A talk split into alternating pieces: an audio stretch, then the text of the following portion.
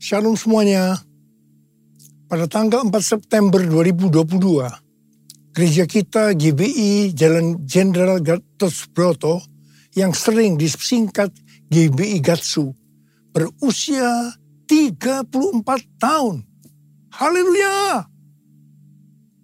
Tanggal 4 September 1988, baktian pertama dimulai di Karsa Pemuda dengan jumlah jemaat sekitar 400 orang sekarang jemaatnya sudah berjumlah sekitar ratusan ribu orang.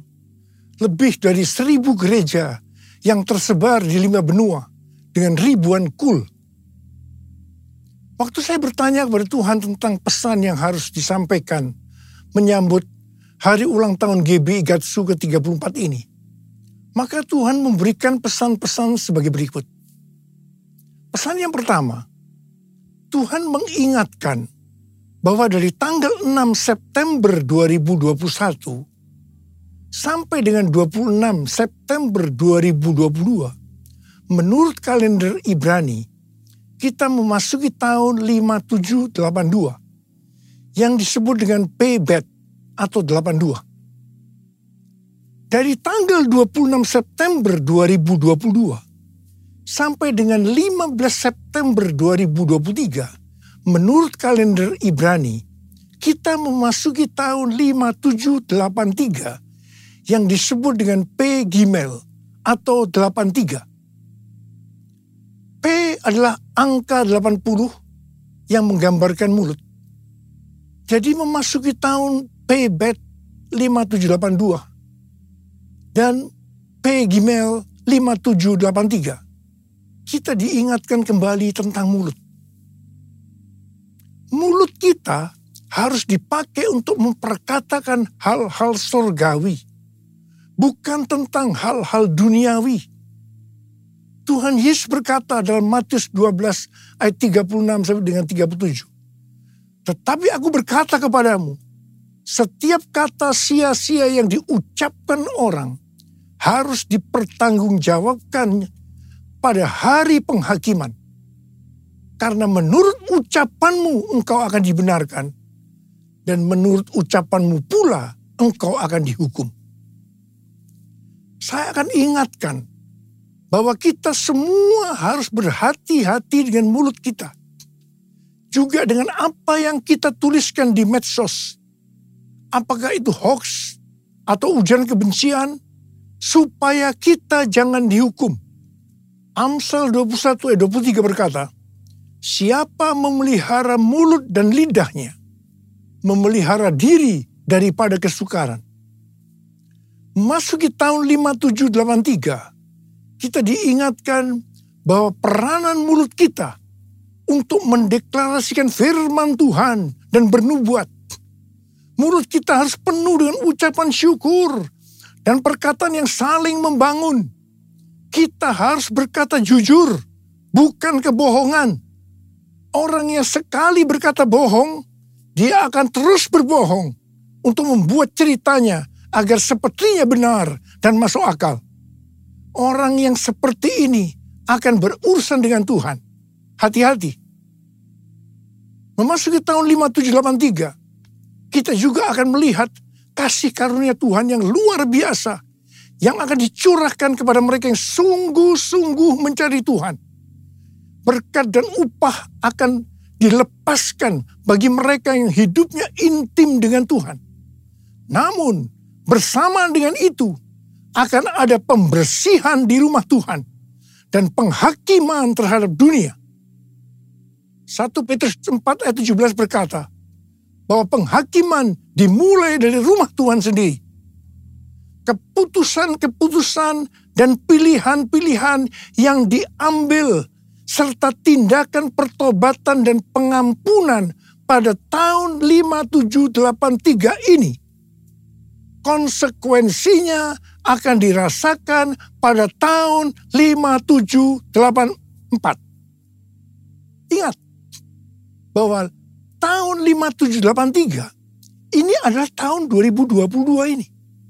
Dan sebagian lagi pada tahun 2023. Sedangkan tahun 5784 adalah tahun 2023 dan sebagian tahun 2024. Jadi artinya apa yang kita lakukan pada tahun 2022 ini konsekuensinya akan dirasakan pada tahun 2023 yang tinggal beberapa bulan lagi. Karena itu, saya mau ingatkan kita semua bahwa jangan main-main dengan Tuhan. Sesuai dengan Mazmur 18 ayat 21 sampai dengan 27. Daud berkata bahwa Tuhan memperlakukan kita sesuai dengan kebenaran kita. Tuhan akan membalas sesuai dengan kesucian kita. Terhadap orang yang setia, Tuhan berlaku setia. Terhadap orang yang tidak bercelah, Tuhan akan berlaku tidak bercelah. Terhadap orang yang suci, Tuhan akan berlaku suci. Tetapi terhadap orang yang bengkok, Tuhan akan berlaku belat-belit. Saya berpesan dengan sungguh-sungguh, dengan sungguh-sungguh, agar jangan sampai kita dibelat-beliti Tuhan. Kita sering memperkatakan sesuai dengan 1 Korintus 2 ayat 9 yang berkata, apa yang belum pernah kita lihat, apa yang belum pernah kita dengar, apa yang belum pernah timbul dalam hati, semua disediakan bagi orang yang mengasihi dia. Tetapi jangan lupa, firman Tuhan di dalam Ibrani 10 ayat 30 31 yang berkata, sebab kita mengenal dia yang berkata, pembalasan adalah hakku. Akulah yang akan menuntut pembalasan. Dan lagi, Tuhan akan menghakimi umatnya. Ngeri benar. Kalau sampai jatuh ke dalam tangan Allah yang hidup. Dan ini juga akan terjadi kepada orang-orang yang bengkok, yang dibelat-beli Tuhan. Sesuatu yang mengerikan akan terjadi dan dialami. Saudara, saya akan memberikan satu gambaran kepada saudara apa yang disebut dengan kengerian yang Tuhan berikan kepada orang yang bengkok, yang dibelat-beliti Tuhan. Orang itu akan mengalami apa yang belum pernah dia pikirkan, belum pernah dia lihat, belum pernah timbul dalam hati. Dia akan mengalami kengerian seperti itu. Sekali lagi, saya mau katakan kepada saudara, jangan main-main dengan Tuhan. Hari-hari ini api pemurnian Tuhan sedang turun. Kau saja yang suci, kau saja yang layak. Kau layak terima glory. Yesus kau Tuhan. Kau saja yang suci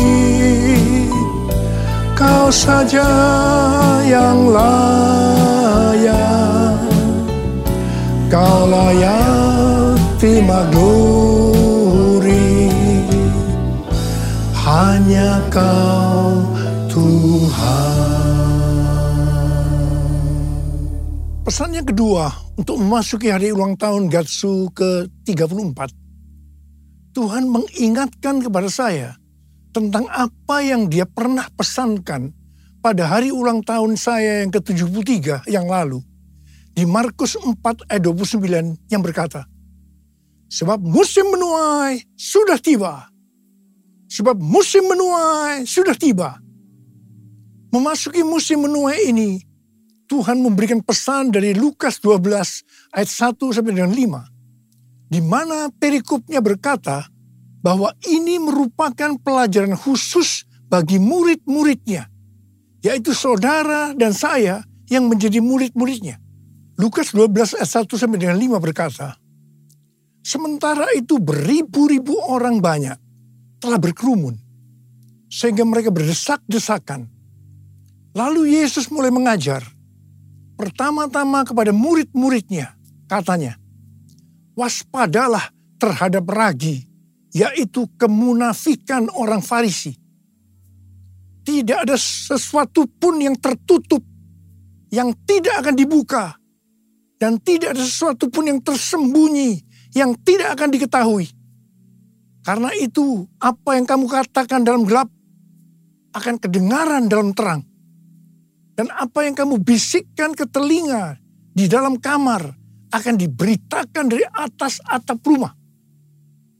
Aku berkata kepadamu, hai sahabat-sahabatku, janganlah kamu takut terhadap mereka yang dapat membunuh tubuh dan kemudian tidak dapat berbuat apa-apa lagi. Aku akan menunjukkan kepada kamu siapakah yang harus kamu takuti. Takutilah dia yang setelah membunuh mempunyai kuasa untuk melemparkan orang ke dalam neraka. Sesungguhnya aku berkata kepadamu, takutilah dia. Di sini Tuhan mengingatkan kita sebagai murid-muridnya. Yang pertama, jangan berlaku munafik. Jangan berlaku munafik. Jadilah orang yang berintegritas. Dan yang kedua, segala kemunafikan akan dibuka oleh Tuhan. Tidak ada sesuatu pun yang tertutup yang tidak akan dibuka. Dan tidak ada sesuatu pun yang tersembunyi yang tidak diketahui. Karena itu apa yang kamu katakan dalam gelap akan kedengaran dalam terang. Dan apa yang kamu bisikkan ke telinga di dalam kamar akan diberitakan dari atas atap rumah. Dan hal yang ketiga, Tuhan berkata, jangan takut kepada manusia yang hanya dapat membunuh tubuh. Kemudian tidak dapat berbuat apa-apa lagi. Tetapi kita harus takut kepada Tuhan. Sebab Tuhan dapat membunuh dan setelah itu mempunyai kuasa untuk melemparkan orang ke dalam neraka. Terus terang saya mau berkata kepada saudara. Kadang-kadang saya heran melihat orang yang tidak jujur kepada Tuhan. Meskipun dia mengatakan bahwa dia seorang murid. Apa mereka tidak tahu bahwa apa saja yang kita perbuat meskipun tersembunyi bahkan apa yang kita pikirkan Tuhan mengetahuinya. Sekali lagi saya mau berpesan kepada kita semua. Jangan main-main dengan Tuhan. Jangan main-main dengan Tuhan. Sehari setelah Tuhan berbicara kepada saya tentang Lukas 12 ayat 1 sampai dengan 5 ini. Saya mendapatkan tayangan YouTube yang berisi pesan Tuhan untuk tahun 5783 dari Sitrot dan Rabbi Felix Halpern. Sitrot adalah host dari acara It's Supernatural yang banyak dikenal orang. Sedangkan Rabbi Felix Halpern adalah seorang nabi Yahudi mesianik yang akurat, yang pernah dinyatakan meninggal secara medis, pernah melihat sorga dan hidup kembali. Dalam wawancaranya dengan Sitrot, Rabbi Halpers membagikan penglihatannya tentang tahun 5783. Dia melihat selubung-selubung akan dirobek sang singa akan merobek-robek selubung untuk menyingkapkan apa yang tersembunyi. Ini adalah tahun untuk memilih. Maka kuasa Allah akan menyingkapkan apa yang dilakukan oleh pemerintah-pemerintah di udara. Yaitu kuasa-kuasa kegelapan. Tuhan berkata, umatku akan melihat ilah-ilah di balik aborsi, ilah-ilah di balik LGBT, ilah-ilah di balik struktur politik, dan ilah-ilah di balik perdagangan. Tahun 5783 adalah tahun di mana umatku menjadi lebih tajam memahami dan terbuka untuk melahirkan hal-hal baru. Selubung-selubung yang ada dari tujuh gunung, arts and entertainment, seni dan hiburan, bisnis, church, gereja, development of the poor, pelayanan kepada orang-orang miskin, education, pendidikan, family, keluarga, government, pemerintahan akan disingkapkan oleh Tuhan. Di tahun 5783 ini, keluarga, gereja, dan pemerintah akan menertibkan rumah tangga mereka Ini adalah tahun untuk bergerak maju. Perhatikan dan fahami apa yang akan aku tunjukkan sehingga kamu dapat memilih kata Tuhan. Dan Tuhan berkata, banyak yang telah keluar atau menyimpang dari posisi mereka dalam pelayanan mereka dalam kerajaan Allah. Tuhan berkata, apa yang kamu perbuat di tahun 5783 atau di tahun 2022 ini, konsekuensinya akan dialami di tahun 5784 atau tahun 2023 yang tinggal beberapa bulan lagi. Karena itu tahun 5783 atau tahun 2022 ini ini adalah waktunya untuk bertobat dari dosa yang tersembunyi. Ku mau hidup seturut kehendak Tuhan. Ku mau memberi semua yang ku dapat berikan. Ku mau cinta kau lebih dari semua. Ku tak dapat membalas kasihmu.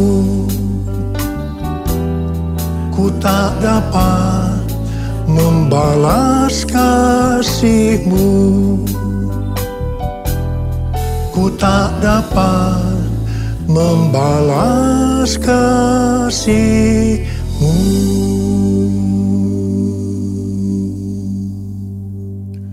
Saya sangat surprise dengan penglihatan dari Rabbi Felix Halper ini.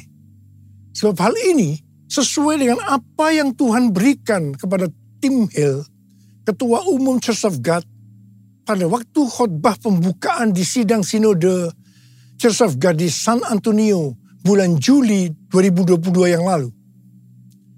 Khotbah dari tim Hill ini sudah saya sampaikan pada bulan Agustus 2022. Yaitu tentang ular beludak yang karena panasnya api yang besar keluar menyatakan dirinya dan menggigit tangan Rasul Paulus dengan maksud supaya Rasul Paulus mati. Tetapi ternyata hasilnya berbeda. Rasul Paulusnya tetap hidup dan malah dianggap dewa. Setelah peristiwa itu terjadi kebangunan rohani yang luar biasa di Pulau Malta itu. Dan sebaliknya, ularnya mati dalam api yang besar itu. Hal ini berbicara tentang api roh kudus dari Pentakosta ketiga yang dahsyat sedang turun. Dan membuat pekerjaan dari si ular, si iblis ditelanjangi, selubung-selubung dibuka dan iblis masih mencoba untuk menghancurkan gereja. Tetapi puji Tuhan. Karena gereja yang berkarakter Kristus yang digambarkan seperti Rasul Paulus justru akan hidup dan dipakai untuk terjadinya kebangunan rohani yang besar. Haleluya! Pesan Tuhan kepada kita memasuki tahun 5783 agar kita hidup kudus Ibrani 12 ayat 14 berkata, Sebab tanpa kekudusan, tidak seorang pun akan melihat Tuhan. Perintah ini diikuti dengan peringatan dalam ayat 16-nya yang berbunyi. Janganlah ada orang yang menjadi cabul atau yang mempunyai nafsu yang rendah seperti Esau. Kata cabul di sini adalah tindakan amoral Janganlah ada orang yang menjadi amoral. Nabi Yesaya dalam Yesaya 6 ayat 5 berkata, Lalu kataku, celakalah aku, aku binasa. Sebab aku ini seorang yang najis bibir. Dan aku tinggal di tengah-tengah bangsa yang najis bibir. Namun mataku telah melihat sang raja, yakni Tuhan semesta alam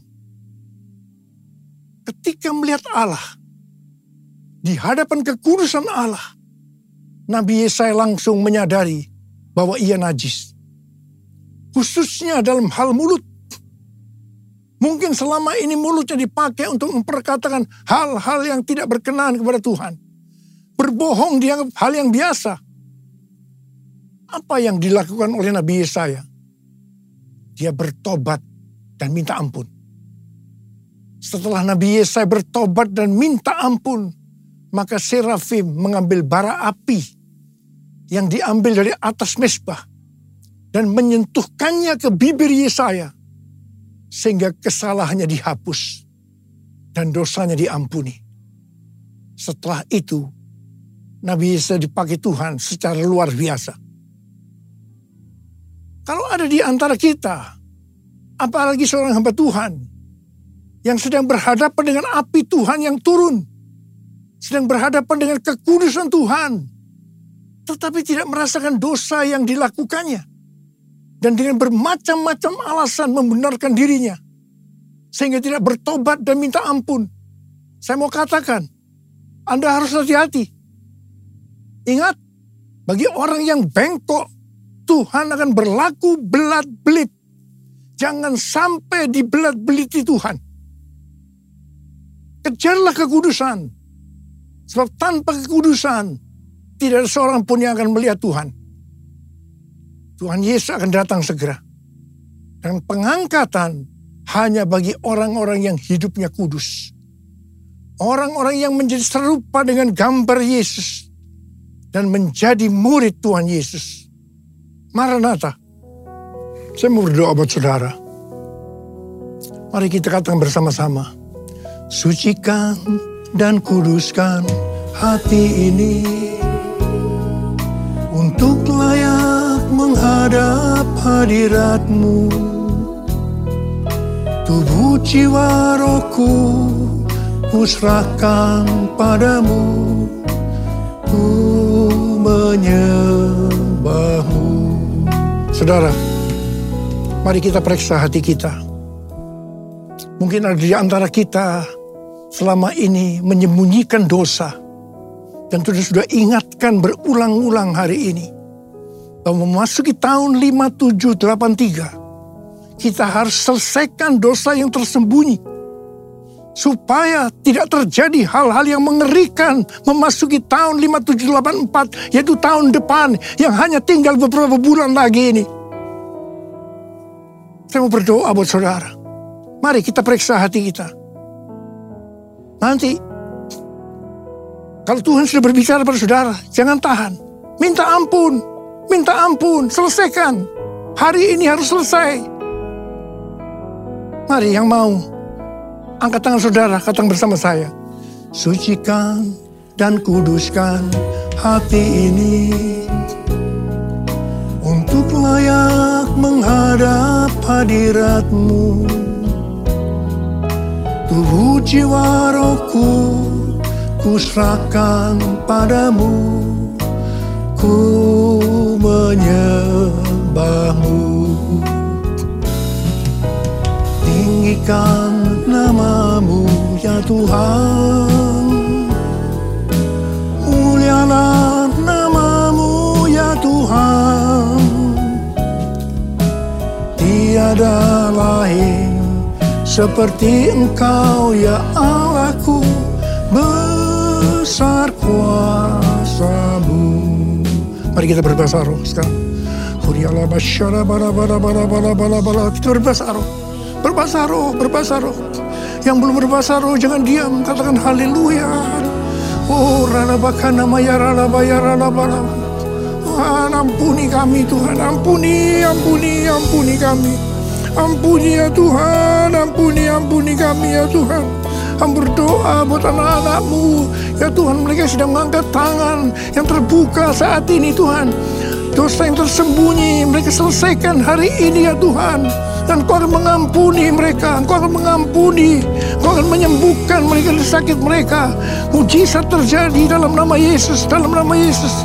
Ora basikara mana mana mana mana mana mana. Terima kasih Tuhan, terima kasih. Terima kasih, terima kasih. Terima kasih apa? Terima kasih. Besar kuasamu.